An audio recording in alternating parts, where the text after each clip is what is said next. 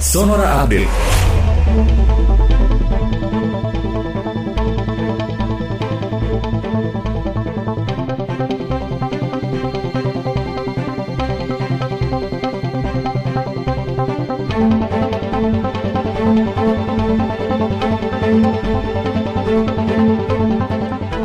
Sahabat Sonora Kapolri Jenderal Listio Sigit Prabowo mengungkapkan sebanyak 1.472.304 orang melakukan perjalanan mudik pada periode Hari Raya Idul Fitri pada bulan Mei 2021 lalu.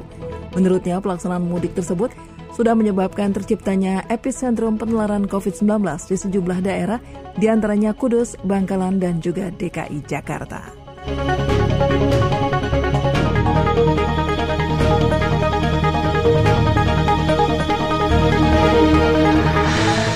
Gubernur DKI Jakarta Anies Baswedan meninjau pelaksana vaksinasi di Kelurahan Sunter Agung, Jakarta Utara. Anies Baswedan menargetkan setiap hari 100 ribu warga Jakarta mendapatkan vaksinasi. Dengan target harian tersebut, Anies berharap pada akhir Agustus, yakni sebanyak 7,5 juta warga DKI Jakarta sudah mendapatkan vaksinasi COVID-19. Anies juga mengajak warga Jakarta untuk mengikuti prokes vaksinasi COVID-19 untuk bisa mencapai kekebalan komunal atau herd immunity.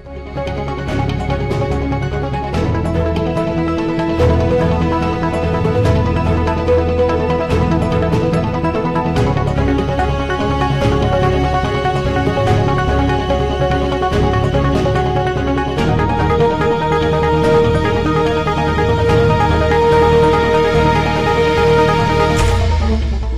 Dan sahabat sonora berita dari mancanegara, Perdana Menteri Thailand Prayut Chan Ocha meminta maaf kepada masyarakat atas keterlambatan program vaksinasi COVID-19.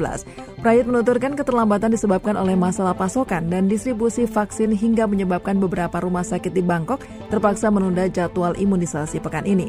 Sejauh ini sebanyak 4,76 juta orang dari total 66 juta lebih penduduk Thailand sudah menerima suntikan pertama vaksin COVID-19. Selama ini pasokan vaksin Thailand bergantung pada perusahaan produsen lokal milik kerajaan. Perusahaan itu memproduksi vaksin AstraZeneca yang distribusikan ke negara Asia Tenggara.